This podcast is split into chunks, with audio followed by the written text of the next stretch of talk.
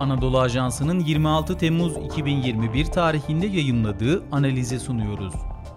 Apartheid rejiminden imtiyazlı siyah azınlığa, Güney Afrika'nın açmazları.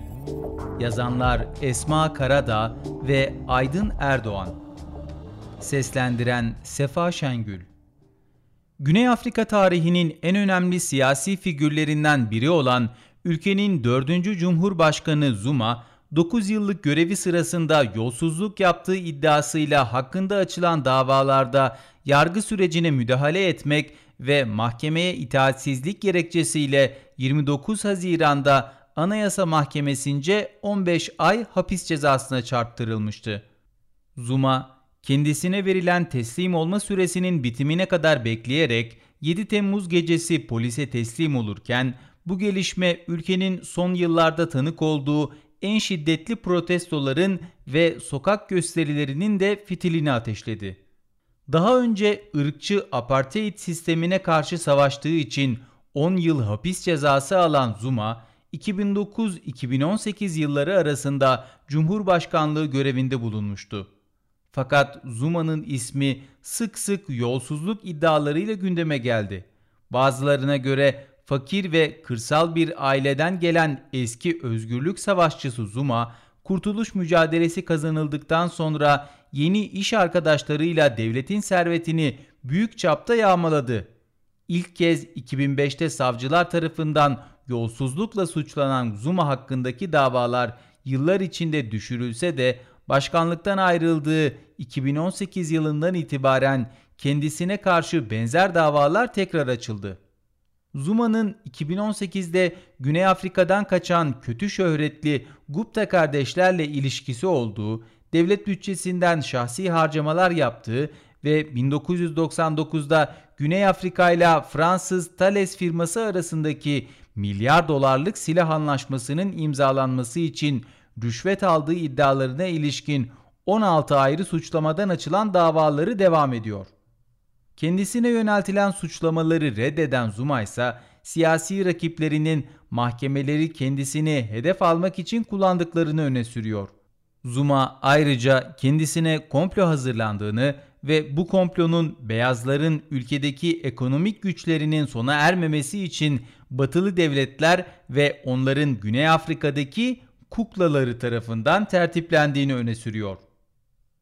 Şiddet olaylarının kökenleri Güney Afrika'da daha önce meydana gelen bazı toplumsal olaylar kolayca yağma hareketlerine evrilse de hiçbiri son haftalarda yaşananların seviyesine ulaşmamıştı. Asıl incelenmesi gereken konuysa her ülkede gerçekleşebilecek protesto olaylarının Güney Afrika'da neden yağma olaylarına dönüştü. Bu durumun anlaşılabilmesi için ülkede demokrasiye geçilen dönemden bu yana temel haklar ve ekonomik refah alanlarındaki gelişmeleri incelemek gerekiyor. Güney Afrika Cumhuriyeti 1994'te yeniden kurulduğunda her kesimden bireylerin insan onuruna yakışır biçimde güven ve refah içinde yaşayacağı, devlet baskısının ortadan kalktığı, insan haklarının en yüksek düzeyde güvence altına alındığı, dünyaya örnek bir ülke olma felsefesi üzerine inşa edilmişti. Zira beyaz üstünlüğü dönemlerini büyük mücadelelerle geride bırakan Güney Afrika'da sömürge ve apartheid rejimi ülkede her alanda toplumsal uçurumların oluşmasına yol açmıştı. Ancak yönetimdeki beyaz üstünlüğünün sona erdiği günden bugüne demokrasi alanında gerçekten de eskiye nazaran çağ atlanmış olsa da ülkede sosyoekonomik alanda pek bir iyileşmenin yaşanmadığı ifade edilebilir. Bugün politika olarak her ne kadar siyahları her alanda daha aktif hale getirmek için siyah önceliği uygulansa da gelir adaletsizliği, eğitim fırsatları eşitsizliği, yoksulluk gibi sosyoekonomik problemlere yönelik somut adımlar atılmış değil.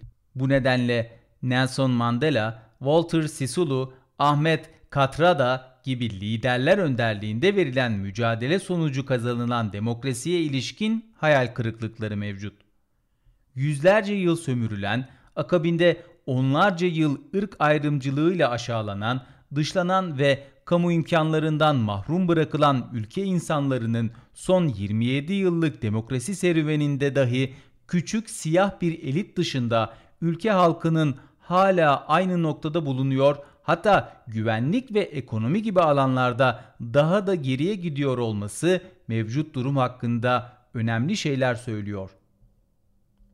Güney Afrika'nın kronik problemleri işsizlik, toprak sorunu. Apartheid mirasının devralındığı 1994 yılında ülke topraklarının %85'i beyaz azınlığın elinde bulunuyordu.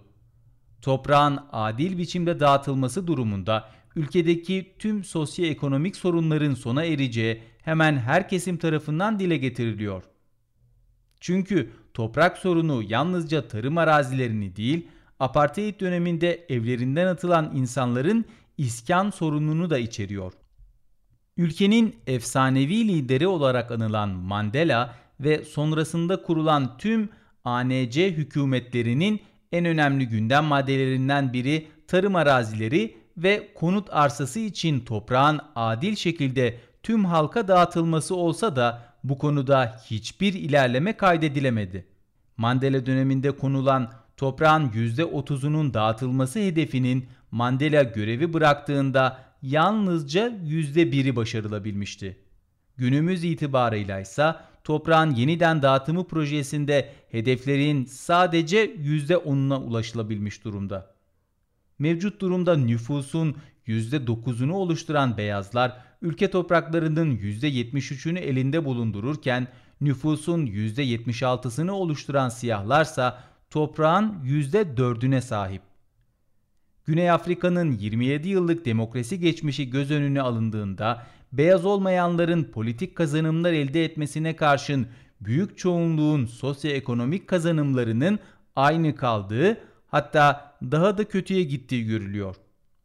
Yoksulluğun, işsizliğin ve eşitsizliğin çok ciddi boyutlarda seyrettiği Güney Afrika'da Zuma'nın tutuklanmasıyla başlayan protestoların yağmalama eylemlerine dönüşmesi ise bu bakımdan pek şaşırtıcı görünmüyor. Sonuç olarak Güney Afrika'da son dönemde yaşanan protestolar 200'den fazla kişinin hayatını kaybetmesine, yağma olaylarına katılan 3400'den fazla kişinin tutuklanmasına, milyarlarca dolarlık zarara, yatırımcı güveninin sarsılmasına, ülkenin para biriminin değer kaybetmesine ve Güney Afrika'nın bölgesel bir lider imajının ciddi şekilde zedelenmesine yol açtı. Zulu milliyetçiliği çizgisinde siyaset yürütmüş olan eski başkan Zuma'nın tutuklanmasının ardından yaşananlar ve Covid-19 küresel salgınının da etkisiyle giderek kötüleşen sosyoekonomik düzen hatta düzensizlik nedeniyle Güney Afrika'yı yakın gelecekte daha zor günlerin beklediğini tahmin etmek güç değil. Spotify, Apple Podcast ve diğer uygulamalar. Bizi hangi mecradan dinliyorsanız lütfen abone olmayı unutmayın.